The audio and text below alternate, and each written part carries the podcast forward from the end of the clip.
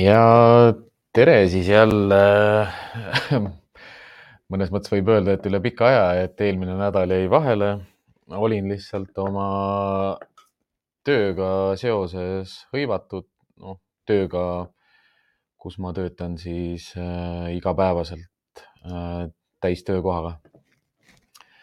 ja pusisin ja mõtlesin tükk aega, et kas ma jõuan, ei jõua, saan, ei saa. Aga kui ma koha peale jõudsin, siis ma mõistsin seda, et äh, internetiühendus oli nii kehva, et äh, selle internetiühendusega ei oleks saanud ülekannet teha sealt, kus ma olin.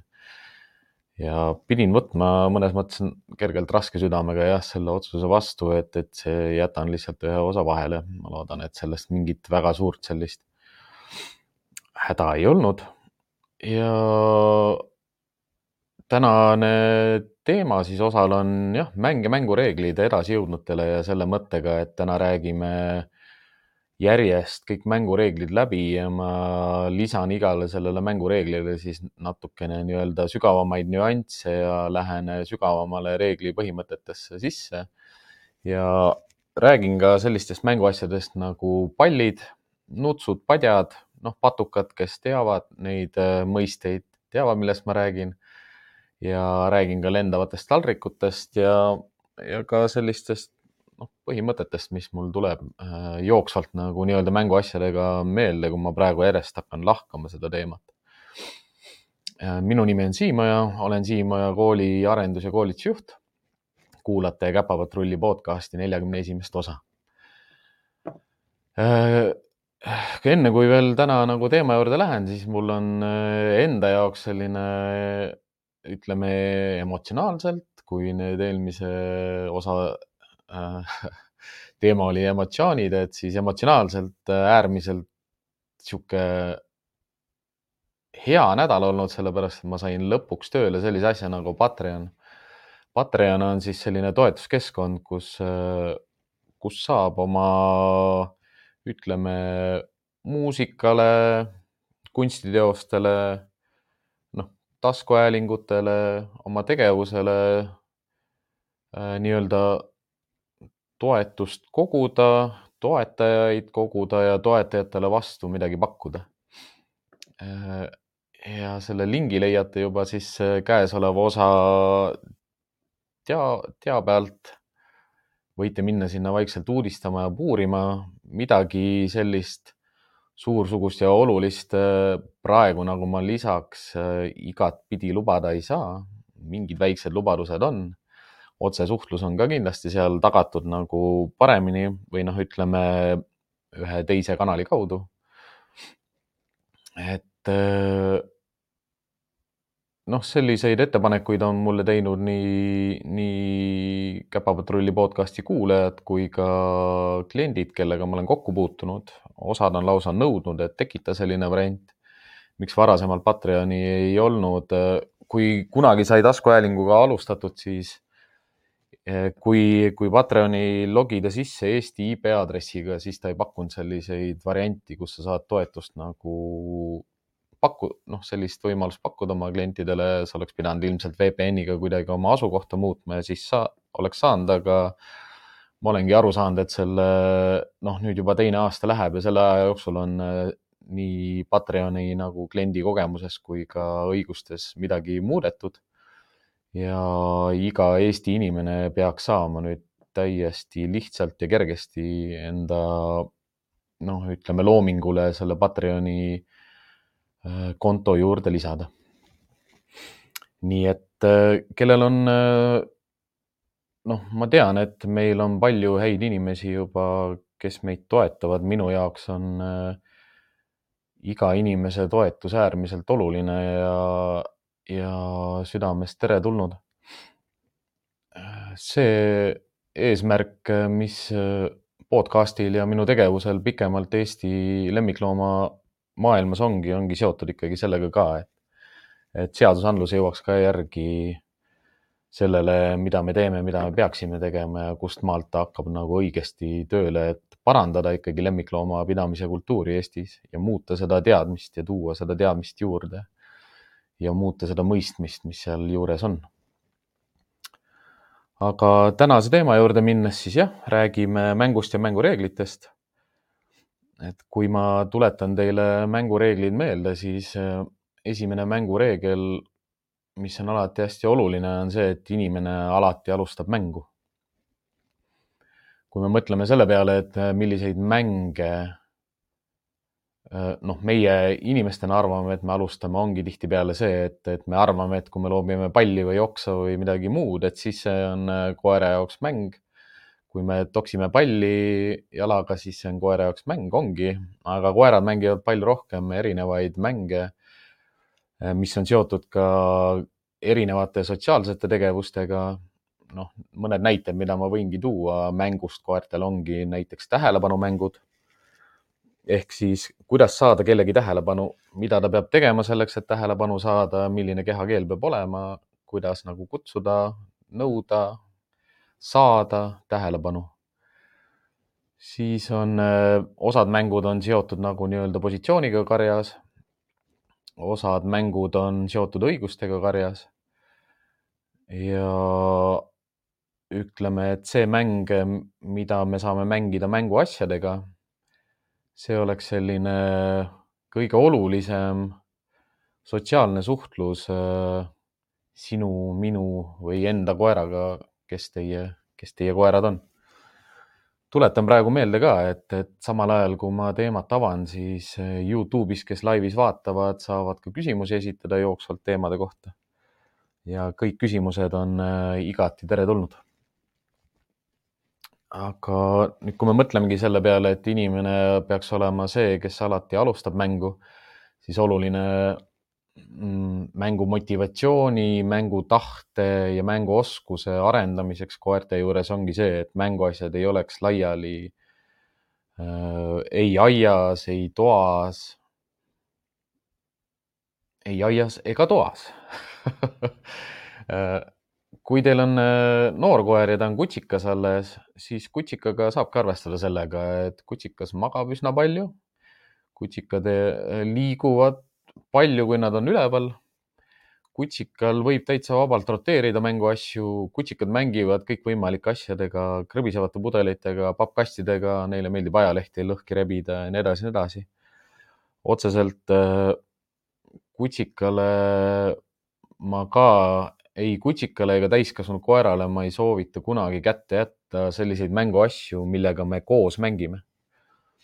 koos mängimise all äh, mõeldaksegi, esiteks üldse mänguasju jagatakse sellistesse kategooriatesse nagu viska ja too mänguasjad, tiri ja tõmba mänguasjad, viska ja too ja tiri ja tõmba mänguasjad on interaktiivsed mänguasjad ehk siis mõeldud selleks, et koeraga koos mängida siis on närimismängu asjad, on siis mänguasjad, mis on mõeldud närimiseks ja peavad koera närimisele vastu ja siis on inter- äh,, puslemängu asjad ehk siis mänguasjad, mis annavad koerale nagu nii-öelda mõtte ja ajutegevust, kus ta saab ninaga otsida, keerata, lükata, pöörata, tõsta asju ehk siis interaktiivsed mänguasjad, kõik sellised mänguasjad, millega meil on võimalik koeraga koos mängida ei tohiks ei kutsikaeas ega vanemas eas koeral olla vabalt kättesaadavad.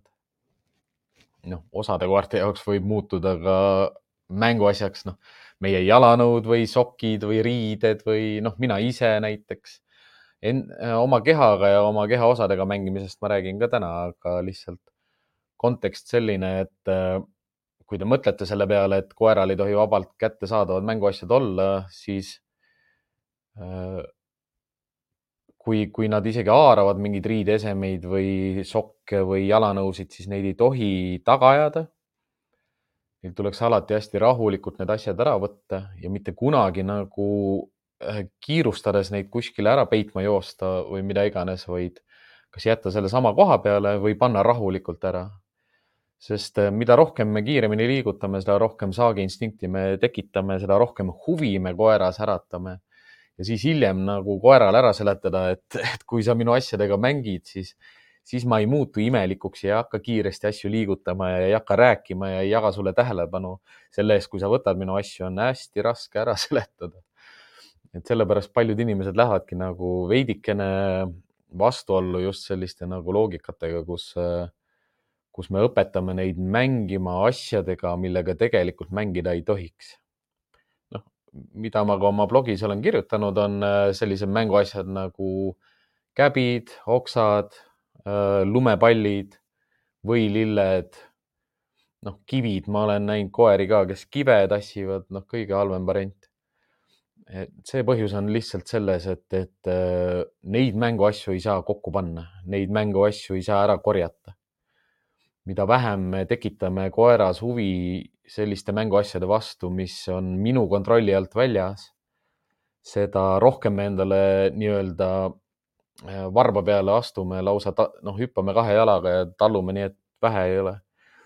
et ja kõige parem viis, kuidas koera kasvõi ümber õpetada selle pealt, et ta ei mängiks minu küttepuudega, ei mängiks kividega ja mängiks okstega, ongi see, kui me õpetame ta mängima konkreetsete mänguasjadega, mille vastu tal on tugev motivatsioon.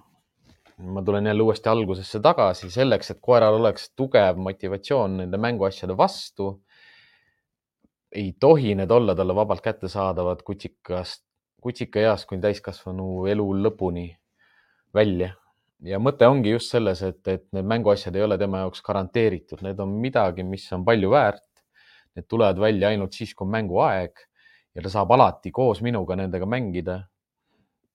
ja, ja te näete ise oma koerast seda, kus ta on nõus palju rohkem loobuma, noh, nii-öelda justkui nagu mõttetutest mänguasjadest, mis on mingi suvaline kõva oks või kõva ja peenikene oks või mingi käbi kuskil, noh ma ei, ma ei kujuta praegu üldse ette veel asju nagu, mille kõigega võiksid koerad mängida, noh, ongi kivid on sellised ka levinud äh, asjad, millega nad mängivad. ja noh, ütleme noh, siuksed probleemid, mida ma olen näinud, ongi tekkinud suuresti sellest, et äh, koerad on palju üksinda. Äh, koerad on lahtiselt aias üksinda. koerad koertel on mänguasjad laiali. osad koerad on paremad üksinda mängijad kui teised. kui ta ei ole just üksinda mängus hea, siis ta ei ole näiteks ka koos mängimises hea. jah, ta ajab asju taga küll, aga ta ei too tagasi. kui ta saab mingi asja, siis ta pigem jookseb eest ära. kõik sellised äh, käitumised tekivadki just siis, kui koeral on palju vaba voli, palju asju laiali lihtsalt, need on kergesti kättesaadavad. ta mängib siis, kui ta viitsib mängida, ta toob ise sulle mänguasja, et sa talle viskaksid. kõik siuksed märgid näitavadki seda, et, et sina ei ole see, kes mängu juhib. tõenäosus, et seal on mängu motivatsioon suur, on väike. tõenäosus, et osadel koertel võib olla saagi instinkt tugev ja justkui mulle tundub, et mu koerale meeldib minuga mängida just sellepärast, et tal on lihtsalt tugev saagiinstinkt. see ei tähenda, et ta tahab minuga mängida, see ei tähenda, et ta oskab minuga mängida ja see ei tähenda, et äh, mul äh, täna hetkel veel on mingi selline mängumotivaator, mille, mille, tänu millele ta on, kuulab minu sõna, sest äh, mul ei ole seda ressurssi, mida talle pakkuda, mida tema tahab, et tema mulle peaks tööd tegema või et ta tahaks mulle tööd teha või et ta saaks mulle tööd teha. ja kui me mänguasjadega teele läheme, noh, miks ma kõrvale vaatan, mul lau, laud on mänguasju täis, et need, kes hiljem podcast'i siis kuulavad järgi, siis ilmselt peate ikkagi Youtube'is korraks pilgu peale viskama, et mis mänguasju ma näitan ja kõige selline klassikalisem mänguasi, millest ma alustan, ongi siis jah, see tore pall. mida me üldiselt psühholoogiast teame, inimeste psühholoogiast rohkem, on see, et meile meeldivad ümmargused asjad ja me otsime erinevaid kujundeid nagu ring, ruut, kuup, mingeid vorme, mingeid kujundeid koertele, koertele meeldivad pallid, sellepärast et äh, mm, noh, kui, kui neid visata tegelikult niimoodi ka esialgu veidike madalamalt, mitte hästi suurte kõrgete kaartega, siis see liikumine on koera jaoks hästi instinktuaalselt nagu stimuleeriv, sellepärast et põgenevad asjad ka liiguvad neist eemale ja lähevad kas hüpates või põrgates ära, noh, ma ei mõtlegi seda, et, et, et, et pall on justkui nagu niisugune põgenev äh, loom, aga koera silmad lihtsalt äh, näevad horisontaalselt äh, teravalt. ja kui siin midagi liigub sellist, mida ta ei mõista või mis tekitab äh, instinkti tõusu ehk siis saagi instinkti tõusu, siis ta hakkab seda taga ajama nüüd äh, tihtipeale, kui te mõne palli või mänguasja ostate ja esimest korda viskate, siis koer läheb alati selle juurde, nuusutab ja siis võtab. kui ta on rohkem pallidega mänginud, siis ta tõenäoliselt läheb ja haarab kohe selle. nüüd, kui te palle ostate ja mis on nagu palli selline põhilised kriteeriumid või, või olulised asjad ongi see, et äh, kõige kõik me teame, et koertele meeldivad tennisepallid. miks neile tennisepallid meeldivad, on sellepärast, et neid saab kokku hammustada. ehk siis nad on, nad on täpselt parajalt pehmed ja täpselt parajalt kõvad, et kui, kui üldse me mänguasjadest täna räägime, siis koera mänguasju võikski alati ka poodides selliselt valida, et kui te käite ja katsute et kas nad meenutavad äh, oma sellest elastsuselt ja kokkutõmbe liikumiselt nagu tennisepalle. ehk siis tennisepalli võlu iseenesest koera koolituses ongi see, mitte see, et ta on tennisepall ja et ta on kollast värvi, noh, kui me räägime ka sellest, et koerad ei näe värvi väga hästi või noh, sisuliselt on värvipimedad, siis äh, oluline ei ole mitte see, et see on tennisepall, oluline ei ole see, et ta on erkkollane ja oluline ei ole ka see, kuidas ta põrkab, vaid oluline on see, kuidas ta kinni haarates ja närides tundub. noh, koertele kuidagi meeldib see, et see, et see vorm tuleb alati tagasi ja saab uuesti hammustada. teine asi, mis neile meeldib, on see, et, et see kokku vajutamine tekib ka selli-, tekitab ka sellise võidutunde. ehk siis see on mõnus aga noh, mida saabki tennisepallidega nagu, miks ta, miks on hea, kui, kui ta saab selle kätte ja, ja hakkab seda mäluma ja see tuleb tagasi ja see tuleb tagasi ja see tuleb tagasi. ongi see, et äh, preemia, preemia, preemia, preemia, preemia ehk siis koer saab iseennast premeerida sellega, kui ta palliga mängib või palli haarab. mis on äh, pallimängu puhul hästi oluline, on ära tajuda see, et äh, kas, kas koer on õppimisvõimeline, kui ta, kui ma temaga palli mängin? kui te palle valite ka, siis mina soovitan, noh, selles mõttes mul ei ole Chuckit, noh, ta ei näita mul jah. Chuckiti, Chuckit ei ole minu sponsor ega midagi.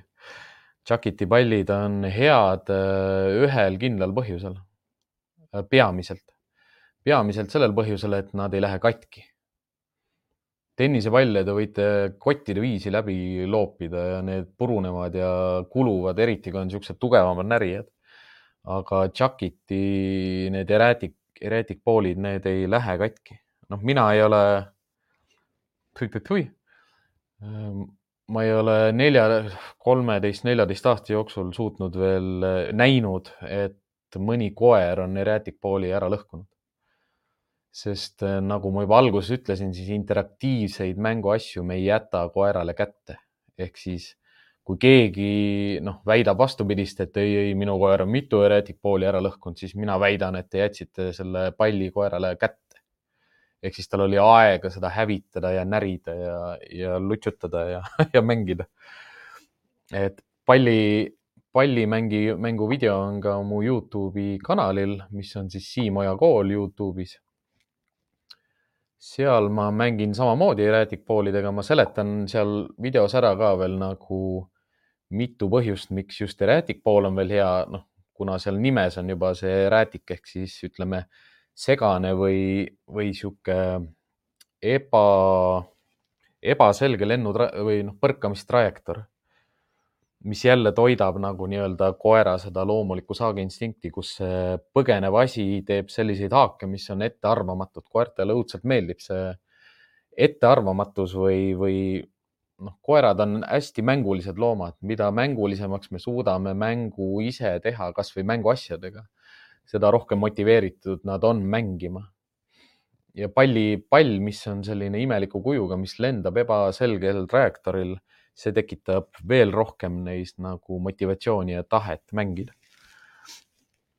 ja noh, ükspuha, millise mänguasjaga mängides mida ma ka kõikide teiste mängude, asjade ja mängu puhul pean hästi oluliseks, on selline, selline põhimõte või selline jooksev läbiv põhimõte, mida ma pean nagu selliseks kõrgemaks teadmiseks mängus.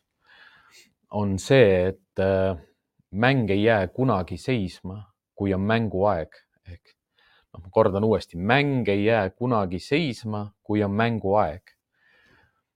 ehk siis äh, noh mäng saab jääda ainult seisma siis, kui mul ei ole, noh, mul on mängu jooksul koerale kogu aeg teatud ootused. ma ei jäta mängu keskel või kestel, ei ole mu kehakeel ega mu ootused sellised, et eh, nüüd ma ei tee mitte midagi ja ma ei taha sinult mitte midagi saada. pallimängu videost te näete ka, kui ma palli viskan koer toob ära, kohe kui ta selle kätte saab, ma hüüan siia. sest äh, selle, see, ma tahan, et see sõna öö, äh, oleks tema jaoks positiivse tähendusega. ja kui ta kiiresti tuleb tagasi, siis ma pakun talle kohe asemele uut palli. ma näitan, et see on mul olemas, ma liigutan seda nii palju, kui mul vaja on, et ta tunneks selle vastu huvi ja ma hoian teda kogu aeg tegelikult äh, mängu sees, ehk siis ma ei jäta talle sellist nagu puhkehetke, et ta sai palli kätte ja siis ma ei tee mitte midagi. kohe, kui ta palli kätte saab, kohe ma kutsun ta enda juurde, ta peab tulema minu juurde, kui ta tahab uut palli saada, siis ta peab selle lahti laskma. ma ei ütle talle, mida ma tahan saada, minu arust koerale ei pea ütlema, istu, sest see on äh, see on kuulekus ja dressuur ja see lisab mängu mingi sellise teatud kontrolli, mis lõpetab mängu ära. sellepärast, et ma katkestan selle kuulekusega.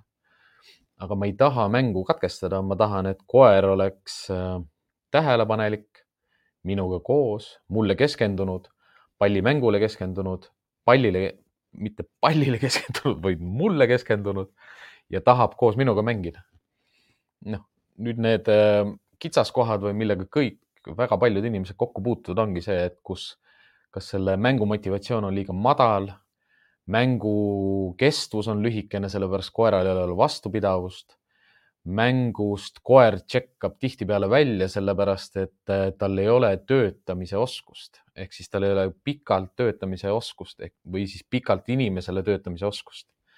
seda kõike saab nagu mänguga koeras arendada pallid on head esialgu lihtsalt ka mängu kraadimiseks, et saada aru, et kas koeral, milline saageinstinkt koeral on, kui kiiresti ta minu juurde tagasi jookseb, kas ta usaldab mind ja haarab maast asju, mis mina, minul on ja ma talle visanud olen. ja kas ta vahetab ühe palli teise palli vastu. noh, oluline pallimängus ongi see, et äh, need mänguasjad oleksid ühesugused ja see on läbiv kõikide mänguasjadega, et pallid peavad ole, olema ühesugused, väiksed pallid, siis nad on ühesugused, lendavad taldrikud, siis nad on ühesugused, nutsud, siis nad on ühesugused, kuigi need on üsna erinevad. noh, ütleme inimese jaoks värvi poolest aga koer ei näe värve nii hästi. mida koerad hästi mänguasjadest tunnevad, on lõhn ja lõhna erinevus. et millegipärast neile seda ma ei ole osanud me oleme teiste instruktoritega ka imestanud selle üle, et miks neile see nagu ilalõhn nii palju meeldib. Miks ta eelistab, noh, kui näiteks on kaks täiskostüümi, üks on uus kostüüm, üks on vana kostüüm. noh, mõlemad on täpselt ühe sama tootja omad, näevad ühesugused välja. see vana toot, see vanem kostüüm on nagu noh, nii äge asi koera jaoks ja uuem ei ole nii äge kui see vana kostüüm, aga liikumine on sama, põhimõte on sama, materjal on sama, tõenäoliselt materjali lõhn ise ka on sama, aga justkui see lõhn, et mingi teine koer on ka seda puudutanud või sealjuures on, ma ei tea siis, kas mingi selline kindel lõhnakombinatsioon või hormonaalne kombinatsioon, mida koer, mille vastu koer tunneb huvi ja ta tahab seda veel saada. sellepärast on alati natukene raske Äh, kui te uue, uue mänguasjaga hakkate mängima, et alguses see motivatsioon on madal sellepärast, et ta ei ole mitte kunagi seda näinud, ta ei ole kunagi selle lõhna tundnud ja ta ei ole mitte kunagi seda hammustanud. et osad koerad on sellised natuke pehmema suuga, nad ei hammusta seda nii kokku, teine saab selle kätte, siis ta matsutab seda niimoodi, et noh, nagu tal ei olekski midagi suus. ja motivatsioon motivatsiooni pärast ei ole vaja nagu muretseda, kui te alustate koeraga päriselt mängimist niimoodi, et see on teile mõlemale kasulik ja see on teievahelise suhte kasvatamiseks. siis ei ole vaja muretseda selle pärast, et ta ei too sulle palli tagasi või et ta ei ole piisavalt kiire või ta ei vaheta kohe sul palli teise palli vastu, sest noh, sellised oskused peavad koeras kujunema välja aja jooksul aga ma võin seda nagu sajaprotsendilise kindlusega lubada, et kõik koerad mängivad. Ma olen õpetanud selliseid koeri mängima, kes on kaheksa-aastased, ma olen õpetanud kutsikaid mängima, kes ei mängi, sest noh, inimene väidab äh, tulihingeliselt, et võimatu, et ta mängima hakkab, ta ei mängi mitte kunagi, ma olen kõike proovinud, ma olen igasuguseid asju teinud. Tal on terve kodu mänguasju täis. noh, mis mu esimene vastus ongi, et palun tehke ta kodu mänguasjadest tühjaks. Tekitage talle see vajadus, see motivatsioon, see võimalus nagu olla huvitatud mängust, tahta mängida. ja ega seal muud ei olegi, et kui esimene päev ta ei too palli ära, küll ta viiendal päeval juba vaikselt hakkab huvi tund-, kasvõi huvi tundma palli vastu. nüüd noh, pallidega ilma, ma kohe räägin nööriga pallidest, aga ma räägin praegu veel ilma nöörita pallidest ära. sellise hea nipi. et noh, kui te ei ole piisavalt liikuv ise või te ei suuda lihtsalt sellise loopimise või kiirema liikumisega palli koera jaoks huvitavaks teha, siis mina ise soovitan ja kasutan ka siis seda viskekäppa. ehk siis isegi kui ma panen selle palli siia viskekäppa ma saan siin äh, hakata koerale huvi tekitama, ma saan äh, madalalt seda, seda mm, palli talle pakkuda ja nüüd, miks me jõuame nööriga pallide juurde ja miks me jõuame ka noh, siin noh, pall on minust palju kaugemal. kui ma niimoodi annan, siis osad koerad ei taha meie käest võtta asju aga nad on võu, nõus võtma asju, kui need on natukene eemal ja nad tunnevad ka tugevamat motivatsiooni selle vastu, kui see ei ole otseselt minu küljes, minu käe küljes. ja noh, mis veel äh, pallimängu juures on oluline ja käppade juures on oluline see, et soovitan noh, selliste koertega, kes on kiired jooksjad pikajalalised keskmisest suurema kasvuga, kasutada käppasid ka just sellepärast, noh, et otseselt mul ei ole vaja seda liikumist tekitada. Ja, ja visked peaksid olema ka siuksed horisontaalsed, et tekitada sellist nagu äh, koera silmapiiril lendavaid asju, mitte nii suure kaarega, et ma arvan, et need, kes on äh, koertega palli mänginud, teavad seda pilti väga hästi, et kui sa viskad käpaga koerale palli ja see lendab suure kaarega, siis ta lihtsalt vaatab niimoodi, et kus see on, kus see on, kus see on ja siis, kui see maandub, siis ta näeb, aga teine variant, mida teha, ongi visata lihtsalt juba horisontaalis pall käpaga külje pealt. noh, säästate oma õlga ka tegelikult sellega rohkem ja see vise tulebki rohkem randmest ja need kui on sellised pikad, pika jalaga keskmisest suuremad koerad, siis te säästate oma õlga ka sellega väga kõvasti. kui ta on juba hea palli äratooja, siis noh, ütleme viskekäpp säästab teie õlga ja lihaseid ikka väga oluliselt niimoodi, et teil ei teki niisugust pikemaajalist nagu kroonilist valu õla, õlapiirkonnas. aga noh, see häda või ütleme, niisugune punane tuli või kitsas koht, mis palliga mängimisel koerte puhul on, on see, et äh, see tekitab väga palju saak, saak, saaki ehk siis saagi instinkti. mis eristab saagi instinkti kaitseinstinktist, on see, et saagis koerad ei kuule ja ei mõtle väga palju. Ehk siis nad ei ole õppimisvõimelised ja nad ei kuule väga hästi. noh, sest neil ei ole vaja kuulmisele keskenduda. ja kui me koera liiga saaki ajame ja liigselt kogu aeg äh, ainult erutust toidame ja saagiinstinkti toidame ja sinna niisugust nagu kontrolli ja pausi ei too, siis äh, koerad võivad minna üsna selliseks segaseks ja, ja pidevalt erutunuks niimoodi, et nad äh, ei seisa purgis ka paigal, nad on kohapeal seistes ka kogu aeg. Nad on rahulikud ainult siis, kui nad magavad. et see oht on pallimänguga. aga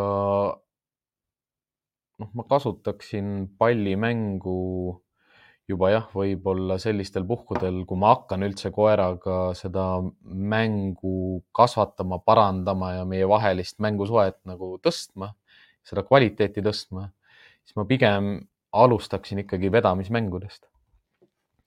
ja noh, me jõuamegi selle nööriga pallini.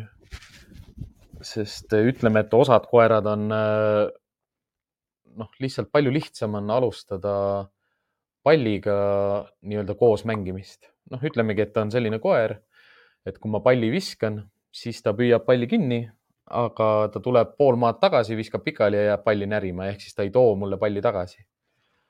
Kindlasti ei tohi hakata koera taga ajama, sest siis ta õpib lihtsalt mänguasjaga meil eest ära jooksma. ehk siis selline mäng, mida nimetatakse inglise keeles siis keep away, noh, eesti keeles on ta lihtsalt hoia eemale ehk siis koer hoiab väga hästi distantsi ja, ja ei anna mulle ikka mänguasja tagasi. mis on nööriga pallide eelis, on see, mida ma rääkisin ka käpaga. On osad koerad ei taha tulla meile väga lähedale, eriti kui me oleme võõras inimene või kui minu kehakeel koeraga mängides on tema jaoks liiga aktiivne või ähvardav. siis saab ka selle palli anda natukene oma kehast eemal, koerale pakkuda ja kui ta siit kinni võtab, siis ta ei saa seda palli endale ehk siis ta ei saa selle palliga minust eemale ära joosta. Ehk siis, millest peab äh, viskamise mängude juures aru saama, on see, et äh, isegi kui teil on mäng väga hea, koerale meeldib mängida, ta tuleb kiiresti tagasi, ta hea meelega mängib minuga, aga ta hakkab järjest rohkem nagu kaugemale jääma minust. noh, see ei peagi olema sihuke, et ma ei tea ta on must viie meetri kaugusel, ta võib jääda ka alguses sihuke meeter, poolteist, noh, ta ei tule täitsa ette või juurde või lähedale või ei taha sulle seda noh kätte anda. osa koerad toovad väga ilusti kätte palli ära, pigem retriiverid või sellised tõud. aga sellised tõud, kes on äh, terjerid ja noh, huskid, laikad, mida iganes. ja kui nad hakkavad, saksa lambakoer, belgia lambakoer, Hollandi lambakoer, border collie kui nad hakkavad meist järjest kaugemale jääma, ehk siis ma loobin mingeid asju endast eemale ja ma näen äh, mängu ajal ja treeningute jooksul, et ta jääb minust järjest, järjest, järjest kaugemale, siis teil on vaja selliseid, mõista seda, et mida rohkem te enda juurest asju ära loobite, seda kaugemale koer teist hakkabki jääma. sest tema arusaam sellest on see, noh, kuna reegel on see ka, et teil on alati vähemalt kaks ühesugust mänguasja, et mänguasjad küll tulevad teie juurest, aga te niikuinii viskate selle kaugemale ära ma mäletan oma teenistuskoertega oli mul algselt vahepeal mängus ka selliseid olukordi, kus ta püüdis palli kinni ja jäi enam-vähem sinnasamasse seisma, kus, kus ta palli sai. ehk siis noh, nad seisavadki kaugel ja nad ootavad, noh, viska järgmine, et ma püüdsin kinni. aga nad ei õpi seda ära, et too tagasi noh, siin ongi, siin on hea nööriga pallid. sellepärast, et äh, nööriga palliga mäng toimub minu lähedal ja minuga koos. ehk siis tuleb eristada välist preemiat ehk siis kõik, mis ma viskan endast eemale, on väline preemia, preemia ja kõik mäng, mis toimub minu juures ja minuga koos, on sisemine preemia ja ma võin ka ühe palliga mängida, lasta selle lahti ja pakkuda talle kohe asemele teist palli ja näha seda, et kas ta tahab minuga mängida või ta tahab palliga mängida. aga noh, nööriga pallid ongi koerte treeningusse tulnud tõenäoliselt ikkagi sellepärast, et see mäng oleks inimese juures, inimesega koos. et saaks koeraga vedamist mängida, sest paljud treenerid on näinud, et, et see vedamine ja võitlus koertele meeldib, meeldibki. mängus on oluline alati see, et see balanss oleks võrdne. et kui me mõtleme selle peale, et kui mäng hakkab, siis mäng ei tohi ära lõppeda selle aja jooksul, kui mängusessioon kestab siis isegi kui ma lasen koeral vahepeal võita ja pakun talle kohe järgmist mängu asemele, siis mängus ei teki sellist pausi sisse. Kogu aeg mäng käib, isegi siis, kui tema võidab, mul on ikka võtta veel mingi pall, mida tema veel võitnud ei ole. mul on ressurssi, mida tal ei ole ja mäng jätkub ja jätkub ja jätkub. noh, üldiselt ma soovitan osta ka tegelikult kolm mänguasja korraga, just algajatel on lihtsam, kui vahest lihtsalt läheb segamini, et koer saab kaks palli korraga kätte või siis kogub need ja siis ei too mulle kumbagi enam tagasi. Siis ma ajan teda mööda platsi taga ja ei pääsegi talle ligi. ja noh, nende pallide puhul on sama, et äh, need pallid on ka pehmed ja hea kokku hammustada. noh, sarnane joon on äh, nendel kahel pallil see, et mõlemal on augud sees. Neid auke saab kasutada ka selleks, et siit nöör, nöör läbi Äh, ükspuha poest osta mingit mägironimiskõit või, või noh, niisugust nööri, mis on käele mugav. Teha nöörile sõlm ühte otsa või noh, mina teen tavaliselt kaks sõlme ja siis lihtsalt söödan ta august läbi ja tõmban ta siia sisse. Ehk siis kasutada sama palli, mis sa juba oled motiva-, motivatsiooniks kasutanud ja muuta see nööriga palliks, et saaks tuua koera endale lähemale. Noh, see on ka selline üsna nagu pro tipp või nagu nii-öelda ikkagi nagu kõrgem, kõrgem mängutase, kui, kui sa näed selle ära, et su koer hakkab sinust ikkagi liiga kaugele jääma, et mul on vaja ta endale lähemale tuua. või siis teine variant see, et mu koeral ei ole piisavalt saagiinstinkti, et nööriga ma saan ka palli kiiremini liigutada, et, et teha see mäng koera jaoks huvitavamaks. just see mänguasi ise teha huvitavamaks mängu ma sellega huvitavamaks ei tee, sest äh, ma pean ta lõpuks ikkagi siia haardesse saama. Mis siis nööriga pallide selline haardesse saamise põhiline mure on, on see, et äh, äh, koerad kipuvad nööri minema. miks nad nööri hakkavad haarama, on sellepärast, et seda on liht-, sellest on lihtsam kinni haarata. mida inimesed muidugi ei märka, on see, et nad peavad õppima ka pead keerama, et nöörist haarata pea keeramine ei ole halb, sellest ma räägin nutsudega ka, aga nööriga mängimine on halb ja üldiselt reegel ongi see, et kui ma haaret koerale pakun nööriga ja kui ta nööri läheb, siis ma peaksin kohe lahti laskma. ehk siis ma ei mängi nööris üldse ja kunagi ja see on kõikide mänguasjadega, millel on mingi nöör küljes. sellepärast jälle hea, kui teil on mitu mänguasja, millel on nöör küljes et kui teil on vaja mängu jooksul lihtsalt nagu, lihtsalt tehniliselt loobuda sellest mänguasjast, siis te peate lahti laskma, sest mõte koera koolitamisel ongi see, et võimalikult vähe eksida ja võimalikult palju õigesti teha.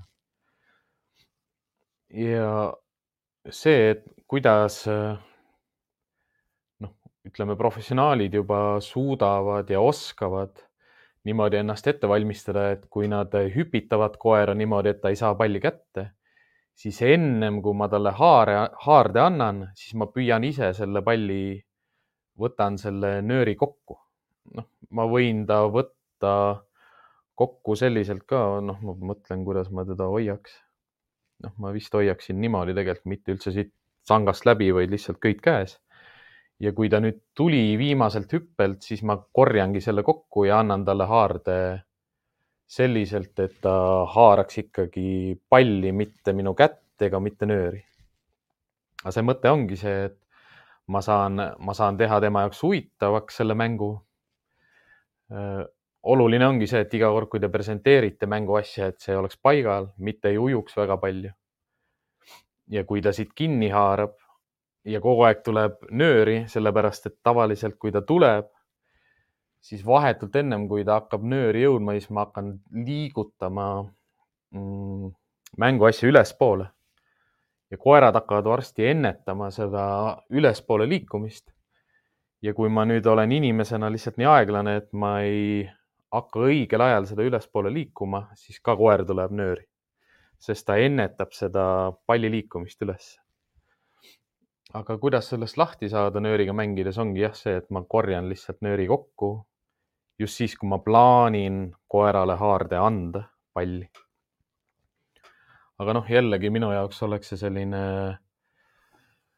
juba täiesti next level ehk siis sellisele, mm, sellise mänguoskusega inimesele, kes suudab seda palli presenteerida koerale selliselt, et ta sõrmed alles jääksid ja terveks jääksid. ja et koer ei ehmataks ka sellest ära, et, et ta tabas nagu inimest hammastega. aga sellepärast ongi koerte treeningumaailmas olemas just selle ebatäpsuse või selle noh, oskamatuse tõttu, et koer ei oska alguses mängida, ei oska haarata, ei oska asjadest kinni võtta, ongi olemas sellised asjad nagu nutsud noh, see nuts, mis mul praegu käes on, see on, äh, peaks olema viie, nelja või viie sentimeetrine. Mm, kahe sangaga. nutsusid tehakse ühe sangaga, tehakse kahe sangaga, mina ostan alati kahe sangaga. seletan ära ka, miks. kahe sangaga sellepärast, et äh, ühe sangaga on sul koerale raske niimoodi haaret anda, et sa hoiad nutsust kinni ja sangast kinni. Koerad võivad ikkagi tulla kätte. kui sul on kaks sanga, siis sul on parem anda horisontaalselt koerale haaret. ühe sangaga on hea anda vertikaalset haaret, aga horisont, aga horisontaalset haaret raskem anda, sest seda teist nööri pole ja hea on, kui, kui hoida nendest nööridest kõvasti kinni, kui koer haardesse tuleb, mida paremaks see haardemäng läheb, seda rohkem on vaja kinni hoida. Nüüd ühe sellise valearvamuse, mille ma tahaksin kohe nagu ümber lükata, on see, et, et vedamise mängimine koeraga muudab koerad agressiivsemaks. ei muuda muudavad agressiivsemaks siis, kui te lasete koertel võita neid mänge. ta ei pea, noh, kuna reegel on see, et koer ei alusta kunagi mängu, inimene alutab, alustab alati mängu, siis koeral ei ole mänguasju, koer, mänguasjad on teie omad ja koer võib nendega mängida koos teiega. uskuge mind, te saate palju rohkem äh, noh, nii-öelda nagu õigust, austust ja ressurssi endale juurde, mil, mis, mis koera silme läbi on siis teie väärtus. kui see, et eh, nüüd, kui ma temaga mängin ja siis ta hakkab mind veel rohkem vihkama, sellepärast et ma temaga mängin, noh, seal ei ole mitte mingit loogikat nagu sees. Kus inimesed lähevadki tihtipeale lihtsalt eh, rappa, ongi see, et eh, mängus ollakse liiga lohakad mängudest ei hoolita, mängutegevustest ei teata piisavalt palju. ja, ja noh, loomulikult ka sellised hirmulood või sellised noh, nii-öelda nagu justkui rahva teadmus või, või sellised lood, mis liiguvad suust suhu, et, et mu koer muutus agressiivseks siis, kui ma temaga vedamist mängima hakkasin. tõenäoliselt ta muutub agressiivseks siis, kui te kaotate mängu ja kui tal on mänguasjad kogu aeg vabalt kättesaadavad Äh, nutsudega on mul alati see, et mul on neid kolm. Äh, kui ma professionaalselt koeri treenisin, siis mul oli nuts alati kuus. Ja kui ma platsi peale läksin, siis mul oli alati kuus nutsu ka kaasas. noh, alguses ma olin üsna nagu saamatu tegelikult nutsudega ka. mul oli neid palju vaja ja ma tahtsin teha siukseid kiireid vahetusi, et kus ma lasen nutsu lahti, võtan järgmise, lasen nutsu lahti, võtan järgmise, lasen nutsu lahti, võtan järgmise, lasen nutsu lahti, võtan järgmise. ehk siis, et noh, inimene on kogu aeg selline nagu jõuluvana, et mänguasju tuleb, tuleb, tuleb, tuleb, tuleb, otsa ei saa, isegi siis, kui sa võidad, mul on ikka veel ja mina olen palju parem, sest ma suudan selle liikuma panna ja ma suudan selle huvitavaks teha. ma saan siin pinget peal hoida, sina ei saa pinget peal hoida ja nutsumängus on üldse nagu väga palju siukseid erinevaid peeneid nüansse, mida saab jälgida ja mida peaks teadma ja saab teada, aga noh, ütlemegi, et podcast'i formaat ja isegi noh, ma olen nüüd ka õpi, õppevideosid tehes aru saanud, et isegi videoformaat ei võimalda noh, nagu neid kõiki nüansse nagu viimase lihvini nagu noh, välja anda ja edasi anda, sest äh, ta tõesti on nagu väga mitmenüansiline. aga miks nutsud on head, on siis jah, selle noh, tegelikult sama ja sarnase efekti pärast, et äh, nad on pehmed nagu, nagu tennisepallid, nad võtavad alati oma kuju tagasi. Äh, mina kasutan nahast nutse just sellepärast, et nad on peenikesed. seletan ära ka selle, et noh, kui te kui te poodidest vaatate nutse, siis osad nutsud on sellised kaheksa sentimeetrised, seitsme sentimeetrised, viie sentimeetrise läbimõõduga.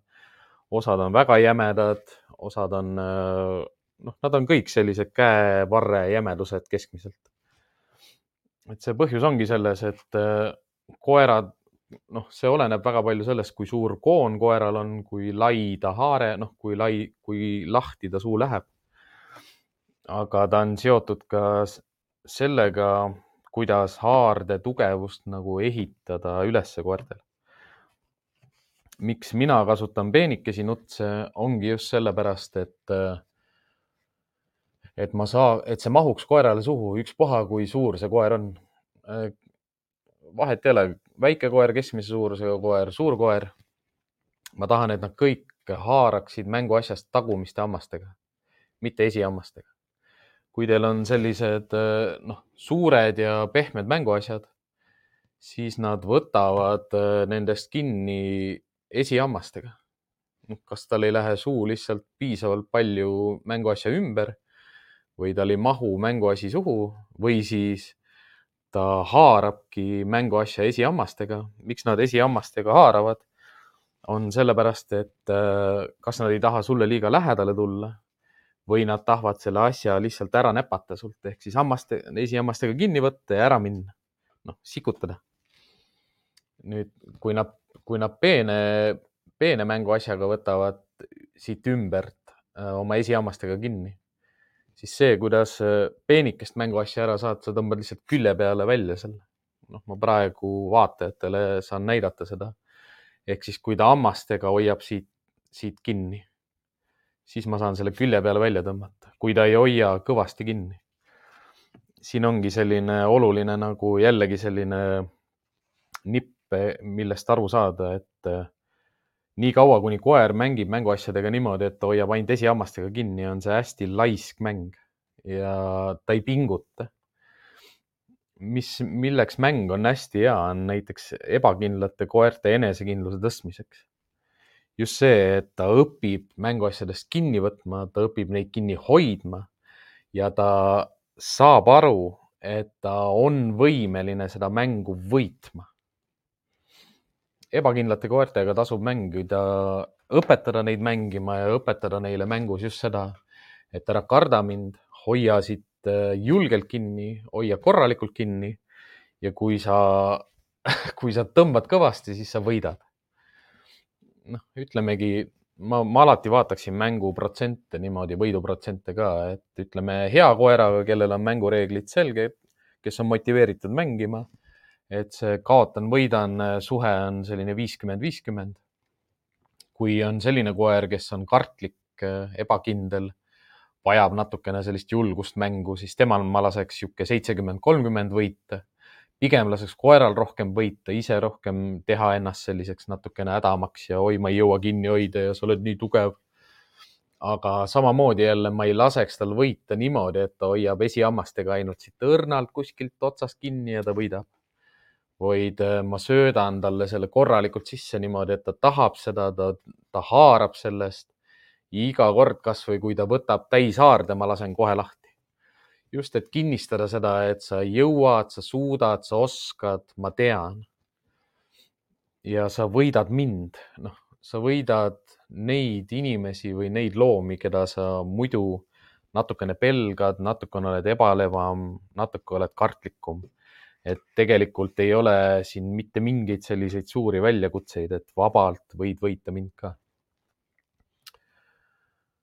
et nuts on, nutsu mänguasjad ja nutsud on, on väga sellised mitmekülgsed mänguasjad, mis paistavad hästi lihtsad välja. aga selle nutsuga saab õpetada koerale haarde tugevust, enesekindlust, kiirust Äh, haardes püsimist, hoidmist, tirimist ja ka rahunemist, haardes rahunemist. noh, see on ka selline asi, mida tõenäoliselt noh, mis koertega ma teeksin, seda oleks koertega, kellega ma võistlen või koertega, kellega ma töötan. aga ütleme kodukoeraga seda rahunemist ma õpetan ainult sellistele koertele, kes, kelle saa, kes ei suuda oma instinkte kontrollida mängu ajal ehk siis osad koerad äh, ka vedamismängudes keevad üle. kuidas sellest aru saada, on see, et kui nad juba ringi jooksevad või haaret otsivad, siis neil on hambad paistavad. Nad jooksevad juba niimoodi ringi, et neil on hambad väljas. siis on saagiinstinkt on nii kõrge, et nad ei ole õppimisvõimelised. ja haardes olles ka, kui nad urisevad ja hambad paistavad, siis nad äh, peavad maha rahunema. Mida kasutatakse, on, pannakse käsi lõua alla, osad koerad pudenevad lahti kohe, aga pikapeale nad õpivad ära selle, et ka sina saad aidata neid ja toetad neid ja sinu puudutus tähendab rahu. noh, seda on teenistuses palju vaja, et kui ma lähen koera juurde ja hakkan teda haardest lahti võtma, et ta saaks aru, et minu puudutus on rahu ja see aitab ka koertel nagu nii-öelda instinktivahetust õppida, et kuidas tulla saagist kaitsesse, noh, saagi instinktist kaitseinstinkti, kuidas instinkti vahetada. ja noh, milleks veel nutsud on head, mida ma täna ka Enge videos nägin, tervitused Engele, on see, et siia sanga külge saab panna ka nööri. et osad koerad ei pruugi nutsu vastu alguses huvi tunda siis on hea need nööri külge panna, loopida neid aktiivselt ringi, lasta neil taga ajada neid, kuni ta lõpuks võib-olla kogemata haarab sellest kinni või võtabki oma esihammastega, siis saab teda enda juurde tõmmata ja pakkuda talle haaret. aga kui te noh, ütleme nööri ma panen siia külge nagu mitme sellise olulise tähelepanekuga, mida ma tahaksin praegu ära mainida, ongi see, et nöör on nutsu küljes ainult sellepärast, et ma saaksin siin kogu aeg pinget peal hoida. isegi kui ma lasen tal võita, ta jookseb must eemale ja jõuab äh, nööri lõpuni, siis ma pean siin pinget peal hoidma. sest kui ma siin pinget peal ei hoia, siis on kaks varianti, kas ta laseb selle lahti, kas ta hakkab seda mäluma või ta paneb selle maha ja ta hakkab seda närima. ehk siis, kui, kui mul nöör on siin küljes, ma olen koera siia haardesse saanud. kui koer sellest kinni võtab, siis siit ei lähe kunagi enam pinge maha. see pinge ei ole selline, et äh, ta ei pea olema nii tugev, et ma tõmban. ta peab olema nii tugev, et koer tunneb, äh, koer tunneb, et ma tõmb-, et äh, see asi tahab ära minna. ei ole vaja üldse nagu palju survet avaldada, nii palju, et ta tunneb, et see tahab ära minna. ja ma saan siis tuua ta enda juurde lähemale näiteks kui nad on niisugused kartlikumad ja tahavad inimesest eemal olla või ei oska veel inimese lähedal või inimesega koos mängida, saan ta enda lähedale tuua ja alati võtta mänguasjast kinni ja mängida siis mänguasjaga, mitte nööriga, mitte niimoodi, et see nöör on siin pikalt taga, vaid alati mänguasjaga mängida. eesmärk on nööriga mängimisel alati see, et, et mitte pinget maha lasta, koer saada endale lähemale ja et koer harjuks sellega, et kui ma siit kinni hoian, et ta tunneb seda, kuidas ma keeran seda.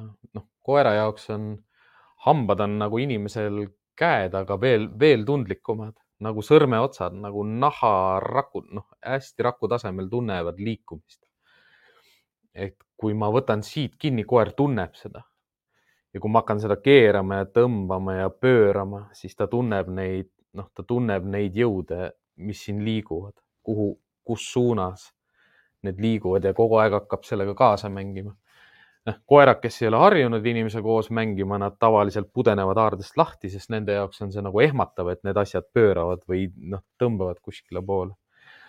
aga seal polegi midagi muud, kui koera harjutada lihtsalt sellega, et need, see, mida sa tunned, on täiesti okei okay. Ja näe veel rohkem vaeva, sest kui sa kõvasti kinni ei hoia, siis see läheb minema. noh, niimoodi õpetadki koera palju paremini mängima, kui, kui ta tunneb nagu hirmu mänguasjast ilma jääda. noh, millega mina tavaliselt alustan, on, on kutsikatega alustan pehmete mänguasjadega.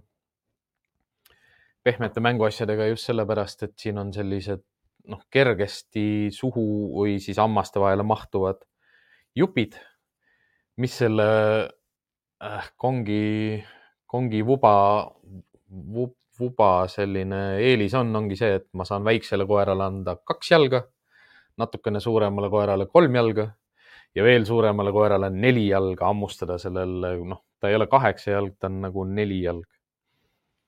Mida ma veel äh, nende mänguasjadega teen, noh, nendele saab ka tegelikult nööri külge panna, ehk siis ma seon selle tavaliselt ümber kaela nendele ja siis ma saan ka teha selle huvitavamaks ja kiiremaks aga reeglid nööriga mängides on jälle samad, et kui sa siit sellest lodevast ja lõdvast asjast kinni saad, siis siit ei lähe kunagi pinge maha. see on küll halb mänguvideo, mis mul äh, seal Youtube'is kodulehel on, kus ma ühe kutsikaga vedamist mängima õpetan. sest audio, noh, mul ei olnud siis veel äh, mikrofoni, mida, millega distantsilt heli nagu salvestada. aga seal videos Äh, ma seletan väga hästi ära selle, et miks siin peab kogu aeg pinge peal olema, kuidas koera endale lähemale tuua ja kuidas see mäng peaks ikkagi minu juures olema ja siis ta läheb mu juurest ära. Kohe, kui koer selle kätte saab, kohe, kui ma viskan ja koer selle kätte saab, peab tulema pinge peale tagasi. ehk siis jällegi tulen selle juurde tagasi, et miks mäng, mängu jooksul mäng ära ei lõppe või ütleme, selline aktiivne mängus olek kunagi ära ei lõppe koer on, noh, ma mõtlen kogu aeg selle peale, kuidas koera ol-, hoida aktiivsena, tegevuses, kogu aeg hoida aktiivsena ja tegevuses. Noh, sellepärast ongi hea, noh, ütleme, kui, kui ma nüüd olen saanud edasi juba sealt nööriga mängimisest ja enda lähedal mängimisest ja, ja mängu, noh, ütleme, et kui ma selle mänguasja lasen lahti ja selle mänguasja võtan kätte, siis ta tahab seda mänguasja, mis on minu käes, mitte neid mänguasju, mis on kuskil maas laiali. kui ma saan noh, juba sinna tasemele, et koer vahetab ilusti mänguasju, tahab minuga mängida, on minu juures, minuga koos, siis mul ei ole enam nööri vaja siia külge, aga millega ma hoian seda nii-öelda tegevust kogu aeg mängus, ongi see, et kui ma mängin ühe nutsuga ja lasen selle lahti, siis ma võtan järgmise nutsu, siis ta tahab seda, võtab sellest kinni, kui ma lasen lahti, ma võtan järgmise nutsu ja ta on kogu aeg nagu tegevuses. Kus siin võib nagu juba hakata kuulekust sisse tooma, ongi siis, kui koeral on äh, ootamine ja vahetamine selged, ilma hääleta. siis võib hakata äh, häält tooma mängu sisse just sellepärast, et teha selle see mäng veel väljakutsuvamaks ja kinnistada ka kuulekust. ehk siis noh, ta on selline jälle nagu kõrgema taseme soovitus, aga jah, ütleme, et kui ma, kui ma koeraga juba saan mängida niimoodi, et ta tahab minuga mängida, ta vahetab ühte mänguasja teise vastu, ta toob ära, ta hoiab kinni nendest hästi ja kui ma nüüd hakkan äh, sinna sõnu lisama, siis need ongi rohkem sellised, et äh, istu. ta, kui ta tuleb aktiivselt jooksuga minu poole ja ma kehaga aitan ta istuma, siis ta on veel aktiivselt äh, mängus sees, aga ma saan sinna mingi kontrolli. Kui ta ilusti istub, siis ma luban tal võtta. kui ma luban koeral võtta, siis samal ajal ma alati viin mänguasja koerast eemale. just sellepärast, et tõenäosus on, et ta saab ainult esihammastega kinni ja ma tahan näha seda, et, et ta hakkab pingutama iga kord niimoodi, et ta tahab kohe täishaarde saada, noh, ta viskab tagajalgadega kiiremini nagu välja. noh, see eeldab muidugi seda ka, et ma ise olen ka juba täpsem ja oskuslikum nagu haaret andes äh,. Räägin selle ära, mida ma enne ei rääkinud, ehk siis miks kahe sangaga nutsud. ongi sellepärast, et anda hästi horisontaalset haaret ja anda ka vertikaalset haaret. vertikaalne haare on sellepärast oluline, et koer keeraks pead. kui ta tuleb haardesse, et ta keeraks pead. paljud, paljud koerad oskavad väga pikalt oma elus hammustada ainult otse. ehk siis nad ei pea pead keerama, kui nad peavad õppima pead keerama, siis juba see lisab jälle niisuguse uue nüansi mängu sisse mis on ka tema jaoks väljakutse, aga samas jälle ka ta õpib jälle uue käitumismustri nagu selgeks. ja hea horisontaalne haare ongi oluline just sellepärast, et anda koerale niisugust loomulikku otse, otsehaaret. niimoodi, et ta ei eksiks, niimoodi, et ta ei läheks mööda ja et ma ise ka saan näha, et kas ta tuleb keskele, kas ta tuleb külje peale natukene, kuhu ta haardesse tuleb. Noh, kuhu ma tahan, et koer tuleks haardesse, on keskele noh, mis selle nutsu puhul võib-olla ei paista hästi välja, aga tegelikult noh, on näha, et, et see keskmine koht on kõige rohkem nagu tabatud. aga see keskkoha tabamine ei ole mitte koeras kinni, vaid see keskkoha tabamine on minus kinni, kes haaret annab. ja see tekibki aja jooksul, noh, ütleme haardesse tulemise, haaramise ja minu mänguoskus koeraga tekibki aja jooksul, kui ma ei mängi, kui ma ei pinguta, kui ma ei püüa, kui ma ei proovi nagu pidada mingitest standarditest või distsipliinidest kinni, siis ka see mängu kvaliteet ei parane, mängu motivatsioon ei tõuse, mänguoskus, ütleme niimoodi, töötamise kestus ei parane ja koera vastupidavus ei parane, et noh, ma ise mõtlen selle peale tihti niimoodi, et osad inimesed ilmselt ei tahagi, et ta koer oleks vastupidavam, et noh, siis ma pean temaga veel rohkem nagu tegelema. aga jah, noh, ütleme selline äh, selline linnamüüt, mis võib-olla on jah, et, et ma lähen koeraga mängima, et ma väsitan ta ära, väga nagu ei, ei, ei päde, sellepärast et mäng on üsna aktiivne, erutust tekitav neerupealsed toodavad adrenaliini. et koera, et mäng ei ole otseselt väsitamiseks, mäng on selliseks vahepalaks. ma soovitan koeraga mängida alati jalutuskäigu keskel ehk siis enne mängu koera lihased ja liigesed soojaks jalutada või sörkida. mängus veel siis tuua seda pingutust sisse ja pärast mängu see adrenaliin maha käia. sest kui neerupealsed toodavad adrenaliini hästi palju, noh, osad inimesed teevad niimoodi, et jalutavad ära, siis jõuavad oma aeda, siis mängivad koeraga ja siis lähevad tuppa noh, see koer on adrenaliini täis, kui ta tuppa läheb otse õuest niimoodi või isegi kui ma jätan ta noh, natukeseks õue, ma tean, et noh, ta peab natukene õues enne maha rahunema, kui ta tuppa saab tulla. et see põhjus ei ole mitte selles, et ma ei tea, et õues käik on ta jaoks erutav, vaid lihtsalt selles, et ma mängisin temaga ennem tuppa tulemist. Johanna küsib, et kas koerale peaks õpetama käskluse peale mänguasja andmist ehk anna? Äh,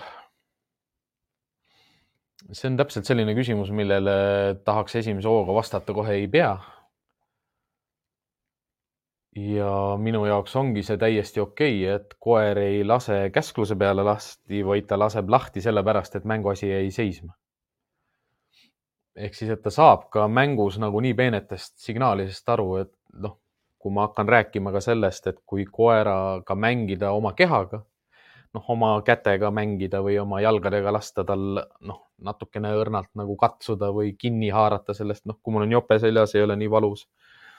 et seal on sama, et kui mu kehakeel muutub selliseks, et ma enam ei mängi, et ta ei arvaks, et mäng läheb edasi. aga see ongi selline see on see, mida mina väga palju oma filosoofias või sellises meto-, metodoloogias nagu inimestele õpetan, just seda naturaalset kuulekust, kus koer saab naturaalselt aru, et millal võtta, millal lahti lasta, millal on mäng, millal ei ole mäng. aga ma saangi aru, et see on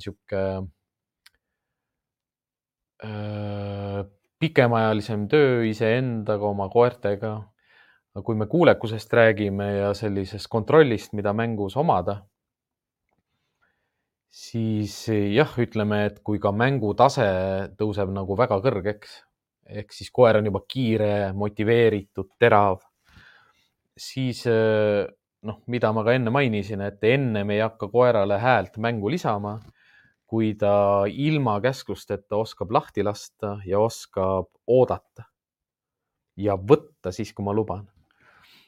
Noh, esimene käsklus, mille ma sisse võtan, on võta. ehk siis iga kord, kui asi, noh, ütleme iga kord, kui mänguasi liigub temast eemale, siis ta võib seda võtta, aga ütleme, see mänguasi eemaldumine on ka see lubamise märk. aga see hääl lihtsalt aitab tal mõista seda, et võib võtta. sest vahest sa võid teha niimoodi, aga koer ei võta, sest ta ei saa aru, mida sa öelda tahad. esimene käsklus oleks jah, võta, mis ma õpetan, sest seda on hea õpetada selliselt, et eemaldumine tähendab võta, võta, noh, võta ja siis läheb eemale, võta, läheb eemale, võta kui sa koos teed, võta, võta, võta, siis ta ei saa sellest, siis ta ei pane häält ja liikumist kokku. koerte, noh, istu, lama, siia, võta. ehk siis see käsklus peab tulema alati sihuke pool sekundit ennem seda, kui sa liigutuse teed. Annaga on ka lihtne, sellepärast et Annat, Annat premeerid sellega, et ta lasi lahti. noh, kui ta on siin kinni haardes, ma jätan selle mänguasja seisma. osade koerte puhul on vaja see, ma olen osade koertega isegi mänginud niimoodi, et ma panen selle mänguasja vastu puud sest see reegel on see, et ta ei lase ennem lahti, kui see seisab täiesti paigal. kui see muutub elutuks, siis ta saab lahti lasta. ma ütlen tavaliselt selle käskluse ainult ühe korra, ehk siis ma ütlen anna ja ootan, millal ta lahti laseb. kohe, kui ta lahti laseb, see lendab minema. ehk siis ma premeerin seda Anna käsklust sellega, et mäng hakkab uuesti pihta. võta käsklust ma premeerin sellega, et mäng hakkab uuesti pihta. Anna käsklust ma premeerin sellega, et mäng hakkab uuesti pihta. ja kui, noh, kus Annas minnakse üle, ongi see, et kui ta on siin kinni ja ma ütlen anna ja ta järs, noh, kogemata, noh, kui see progress toimub kogu aeg, et saab aru, et tal on kasulik lahti lasta Anna peale, sest siis hakkab mäng uuesti pihta. siis, kui ta järgmine kord jälle, noh, ma näen mängus, et ta hakkab järjest paremini Anna peale lahti laskma, siis ma mitte enam ei viska mänguasja ära, vaid ma annan talle teise mänguasja asemele. noh, selles käes ta peab lahti laskma Anna ja siis teises käes saab mänguasja ja siis ma hakkangi tegema sellist harjutust, kui see Anna juba töötab, ongi niimoodi, et üks mänguasi endal käes, ütlen Anna, annan teise, Anna, annan teise, Anna, annan teise. aga see Anna tähendab alati, et mäng läheb edasi. Ja ma võin mänguga niimoodi ära lõpetada, et ma mängisin temaga, ütlesin Anna ja siis ütlen sinna juurde, et aitab. noh, ma teen tavaliselt sihuke kätega siukse selge kehakeeles ehk siis Anna ma õpetaksin Anna käskluse jah, koertele selgeks siis, kui ta oskab mängida ja tahab mängida. ehk siis tal on motivatsioon juba mängida. Ma tean, et paljud tahavad selle Annaga nagu kiirustada ja jätaga ja, ja selliste käsklustega, aga ma ise tean lihtsalt nagu noh, teravate kiirete teenistuskoerte puhul, et et kõrges instinktis see anna käskluse õpetamine toimib palju paremini, justkui natuke nagu tagurpidi. ehk siis sa õpetad ta ennem lahti laskma ja siis nimetad selle lahti laskmise. Ehk siis lahti laskma sa õpetad ikkagi nagu saagi, saagi peale. noh, kui ta on, kui ta on siin kin-, siin äh, mänguasjas kinni, see mänguasi jääb seisma ja ma ütlen anna ja teine mänguasi tuleb välja, mis liigub ja ta lasebki selle lahti ja võtab selle, mis liigub, siis ma saan ka seda anna, anna, anna, anna jätkata. ehk siis jah, anna käsklus ei ole minu jaoks selline nagu A ja O. ja ma hakkaksin seda õpetama ainult koerale, kui ta on jah, juba kiire ja motiveeritud ja tahab ja oskab mängida. ehk siis noh, minu jaoks on iga koera treenimise pikaajaline mõte see, et kas mul on seda vaja. kas see on, kas see on nagu hädavajalik, et mul on see olemas, mul on see, see täidab mul mingit eesmärki, mul on vaja, et ta laseb kiiresti lahti või noh. tal peab olema mingi eesmärk sellel annal, et, et mul on vaja, et ta kiiresti vahetuks, aga noh, kui ma tahan mängu tuua sellist nüanssi ja kiirust juurde, ehk siis kui see noh, mänguasi jääb seisma ja ta laseb lahti, ma ei viitsi seda oodata, siis jah, anna ja juba läheb järgmine, anna, noh, ongi kas anna ja sama mänguasi, anna või teine mänguasi, anna või mitte midagi et see kõik jah, loob selle noh, ühe nüansi lihtsalt mängu juurde. ilmtingimata ei ole oluline, et, et koer Anna käsklust teab. nüüd ma võtsingi oh, lendavad taldrikud kätte.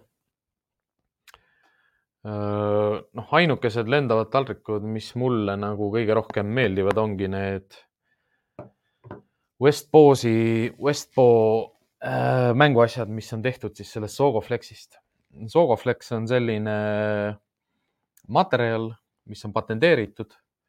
ta on jällegi väga vastupidav, samamoodi Sogoflexi poolt mina ei ole sponsoreeritud mitte kuidagi, see, ma praegu märkasin, et see käpad, käpad, käpad, ma ei ole seda niimoodi vaadanudki, jah. siit ma seda käppa ei saanud, aga jah, praegu alles vaatan seda, see on üsna sarnane käpp. et jah, Sogoflexi käpp on nagu minu, minu ettevõtte logo enam-vähem. aga mis, mis nende ketaste juures on hea jah, on see, et nad on pehmed ja teiseks, et nad on pehmed, aga nad on ka vastupidavad.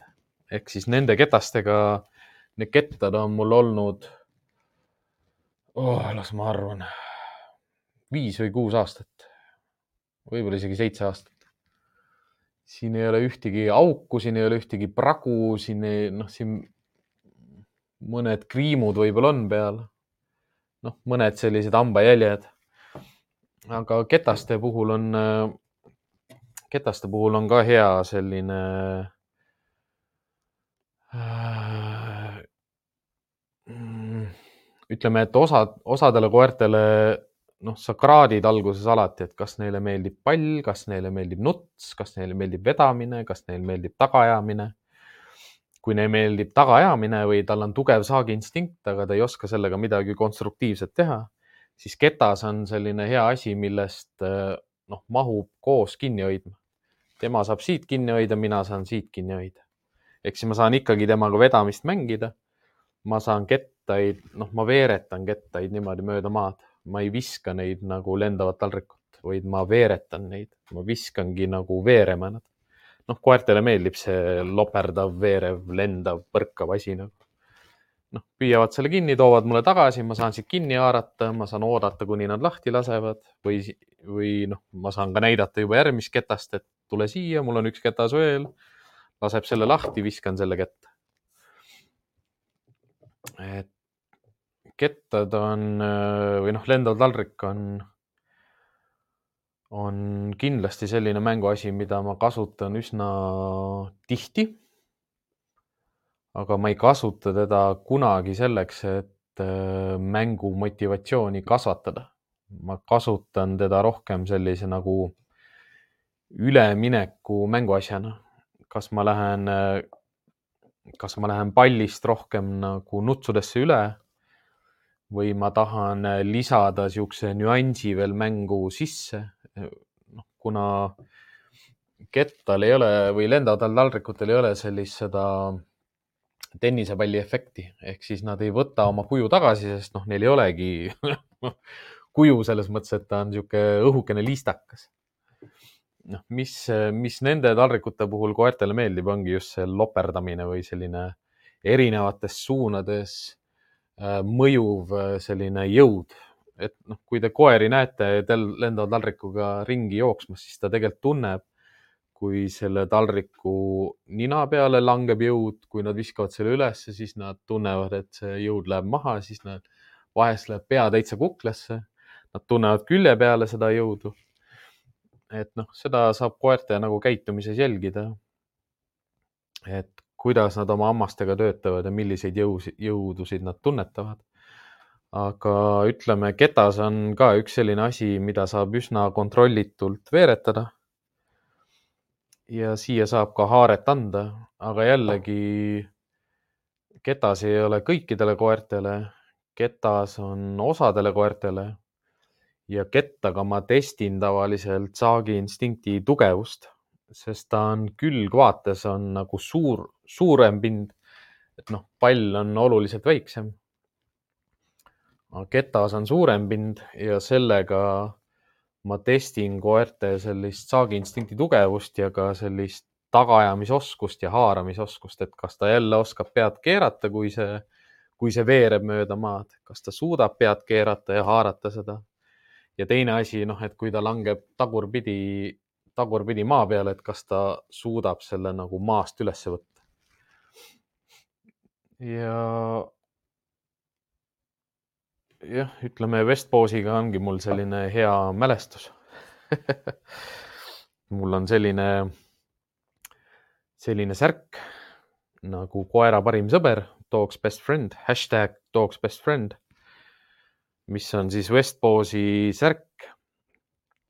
Äh, meil, kui ma töötasin Betcity's, siis meil käis külas üks Westposi müügiesindaja, kes oli ka koerte treener ja koolitaja ja käitumisnõustaja. ma sain temaga väga hästi läbi, sest noh, me mõlemad mõistsime koeri nagu, nagu poole sõna pealt ja ma sain selle T-särgi sellepärast, et ma näitasin siis jah, selle publiku ees, et kuidas koerad kutsuvad teisi koeri mängima ehk noh, see väljakutse oligi, et see saab T-särgi endale, kes oskab näidata, kuidas koerad kutsuvad teisi koeri mängima ja noh, ma näitasin teistele inimestele ja ma olen siis, ma arvan, üks kahest inimesest Eestis, kellel on selline, selline Westposi T-särk, millega noh, nüüd ma juba teen lihtsalt, vahest olen kodus, see on niisugune hästi mõnusast materjalist. Westpos on, on USA ettevõte Äh, need mänguasjad on äärmiselt kvaliteetsed, mulle meeldivad need mänguasjad, aga ütleme jah, et ma ei kasuta nende noh, nagu tööriistakassist kõiki neid tööriistasid. olen äh, kasut-, siis kui ma hotellis töötasin, siis ma kasutasin palju nende närimismängu asju ka, aga enam mitte. ehk siis ütleme, et kui te tahate oma koera mängumaailma tuua sellist natukene vürtsi, natukene mitmekülgsust, natukene rõõmu, natuke rohkem huvi, siis see kandik, mängukandik, mis teil peaks olema, olekski näiteks kaks lendavat taldrikut, mm, kaks või kolm palli ja kaks või kolm nutsu. ja rohkem tegelikult ei olekski oluliselt vaja ütleme, et jah, selline mänguasi nagu Kong ei, on mul kõik otsa saanud, ma olen Konge ostnud, ma arvan, selle aja jooksul, kui mul oma ettevõte on olnud ja ma olen koduvisiite teinud, ma arvan, rohkem kui sada. aga noh, nad lähevad kõik ära. Nad ei kulu selles mõttes, et kong ei lähe katki, aga mul ei ole mitte ühtegi kongi sest noh, ütleme niimoodi jah, et kuna mul endal koeri kodus ei ole praegu, ma ise kongi ei kasuta igapäevaselt, kui mulle koeri tuuakse hoiule, siis tavaliselt need on minu klientide koerad. Nendega tuleb alati kong kaasa, sest nad teavad, et kui nad koera minu juurde toovad, siis peavad kongid kaasas olema. ja mul endal ei ole koera käitumisnõustajana konge otseselt vaja koduvisiitidel, sest ma ei, noh, visiit kestab tavaliselt tund aega maksimaalselt ja siis ma ei hakka seal konge külmutama ja koerale sisse söötma, et selleks, et koera käitumist ja psüühikat nagu hinnata ja mänguoskust, selleks piisab täiesti nendest mänguasjadest. mis on kongi eelis, on jah see, et kui te teate, milline kong välja näeb, et ta on selline nagu lumememm natukene või sihuke kolme paunaga. kui kongi visata, siis ta ka põrkab täiesti kaootiliselt.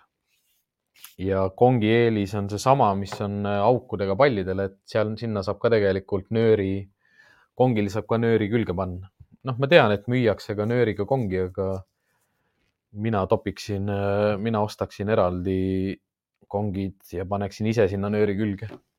sest sinna saab päris mõnusa sellise äh, mägironimisköiest teha korraliku nagu nööri, nööriga mänguasja. ja kong lendab väga kaugele, kui teda noh, niimoodi linguna kasutada, siis ta lendab ikka nagu väga kaugele noh, tänane osa on jälle juba läinud jah, seal tund kakskümmend praegu saab täis.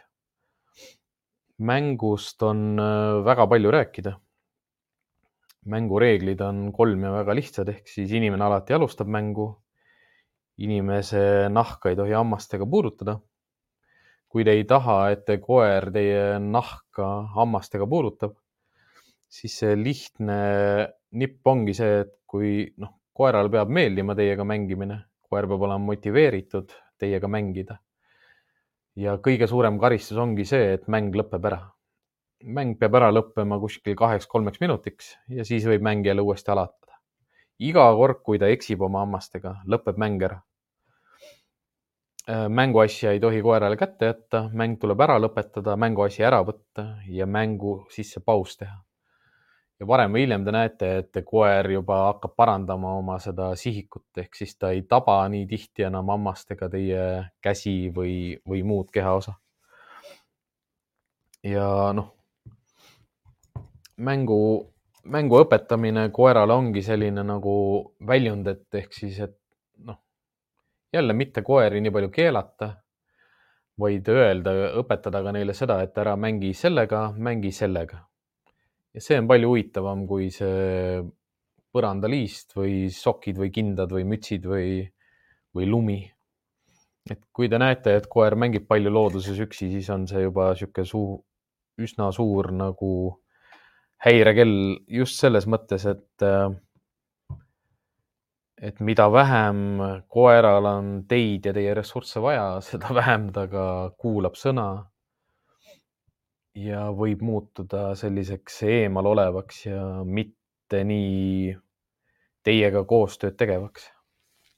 et mängida on vaja kõikide koertega ja koerad, inimesed on ühed vähesed imetajad, kes jah, mängivad elu lõpuni. seda ma olen ka varem maininud ja, ja mainin äh, korduvalt ja korduvalt veel, et mäng on, äh, mäng on sisuliselt ikkagi koertega nagu A ja O et kui te noh, veel võib-olla ei ole keskendunud nii palju mängu peale, ei ole proovinud mõtestada nii oluliselt või, või mahukalt erinevaid mänguasju ja mänguvõimalusi, siis võite ikka ja jälle nii selle podcast'i osa peale tagasi tulla, kuulata mõnda lõiku läbi, millest ma rääkisin ja samamoodi vaadata neid mänguõpetusvideosid, mis on siis minu Youtube'i lehel videode all, mitte otseülekannet all, kus ma seletan nii palliga mängimist, vedamise mängu alustamist, vedamis sellistele koertele mängu õpetamist, kes veel ei oska või, või ei taha inimesega mängida. ja seal on ka üks osa tegelikult kongi kasutamisest ja kongi valikust ja ma usun küll, et edaspidi ma suudan ka välja mõelda selle, kuidas ma selle kõik asja saan linti niimoodi, et äh, see on inimestele selge ja arusaadav, et mul on vaja tõenäoliselt mingi aegluubis noh, ütleme kuuskümmend kaadrit sekundis filmivaid äh, kaameraid, mida mul praegu on ainult üks. ja kui ma lähedalt filmin, siis ma pean kroppima selle pildi kokku, ehk siis ma ei saa ma ei saa salvestada lihtsalt praegu selliseid võtteid aegluubis. ma ei saa salvestada liikumiselt heli ja nii edasi, aga sellega saate ka teie mind aidata sest nagu ma osa alguses rääkisin, siis jah, äh, Patreon on äh, läinud töösse. ma olen teinud sinna esialgu praegu kolm erinevat taset igaüks saab ise valida, millises hulgas nad tahavad meie tegevust või minu tegevust või meie tegevust toetada. ja sellest saab kasu kindlasti kogu lemmiklooma kogukond või koera koolitamise või koerte käitumise või koerte sõprade või koerte armastajate kogukond. ja mitte ainult Eestis, et äh, mu treeningvideodel on ingliskeelsed tõlked all neid vaadatakse väga palju ka mujal maailmas. ja sellist kvaliteetsemat nagu sisu on vaja järjest rohkem äh, välja, välja panna. Äh, kuna täna siis jah, väga palju selliseid küsimusi siia vahele ei tulnud. teema oli minu enda jaoks ka tegelikult väga huvitav ja mäng ongi hästi mitmekülgne koertega. Saame ilmselt ka mängust tulevikus rääkida ja te näete mind mängu kontekstis nagu veel ja veel. seni aga jääme ootama siis järgmist kolmapäeva jah, ma pean vahepeal töötama välja selle, et äh, mul on kaks külalist on järjekorras, aga ma ei oska kuidagi nagu hoogu võtta, et, et, äh, et nendega ühine see aeg leida. Võib-olla siis äh, pean salvestama mõne osa ja ei olegi ta nagu nii-öelda otseülekandena saadaval. aga ega ei ole midagi ma arvan, ma lisan äh, video sinna info alla veel need äh, veebipoed, kust mina, kust mina tavaliselt oma mänguasju ostan. Ja neil on ka head valikud tavaliselt. ja mänguasjad ei pea olema midagi väga erilist, aga mänguasjade juures on oluline see, et see ei oleks koerale garanteeritud ja vabalt kättesaadavad ja te näete, kuidas äh, koera motivatsioon, tähelepanu ja noh, teiega koostöösoov, aga ka töötamise kestvus ja oskus tööd teha paranevad mitte kiiresti, mitte võib-olla alati nii edukalt. Täiesti vabalt võite, nagu Enge tegi, võite saata mulle oma mänguvideosid ma hea meelega vaatan neid üle ja saadan teile kindlasti ka tagasisidet. Hingega ma räägin eraldi sellel teemal. ja tänan teda selle video eest, mis ta mulle saatis. aga olge tublid ja kui te uurite ka seda Patreoni teemat, siis kõiksugused ettepanekud, et äh, mida te lisaks tahaksite äh, näiteks saada või, või teada saada või selle tasu eest igakuiselt äh, minu käest võimalusena saada, siis kõik ettepanekud on äh, igati tervitatavad. ja kui me täna lõpetame, siis lõpetame nii, nagu me iga kord oleme lõpetanud, mis kõige olulisem ongi koerte koolitamise ja üldse maailmas liikumisega aru saada, on see, teadmatus ei ole lollus. Kui te teate ja ei tee, siis on lollus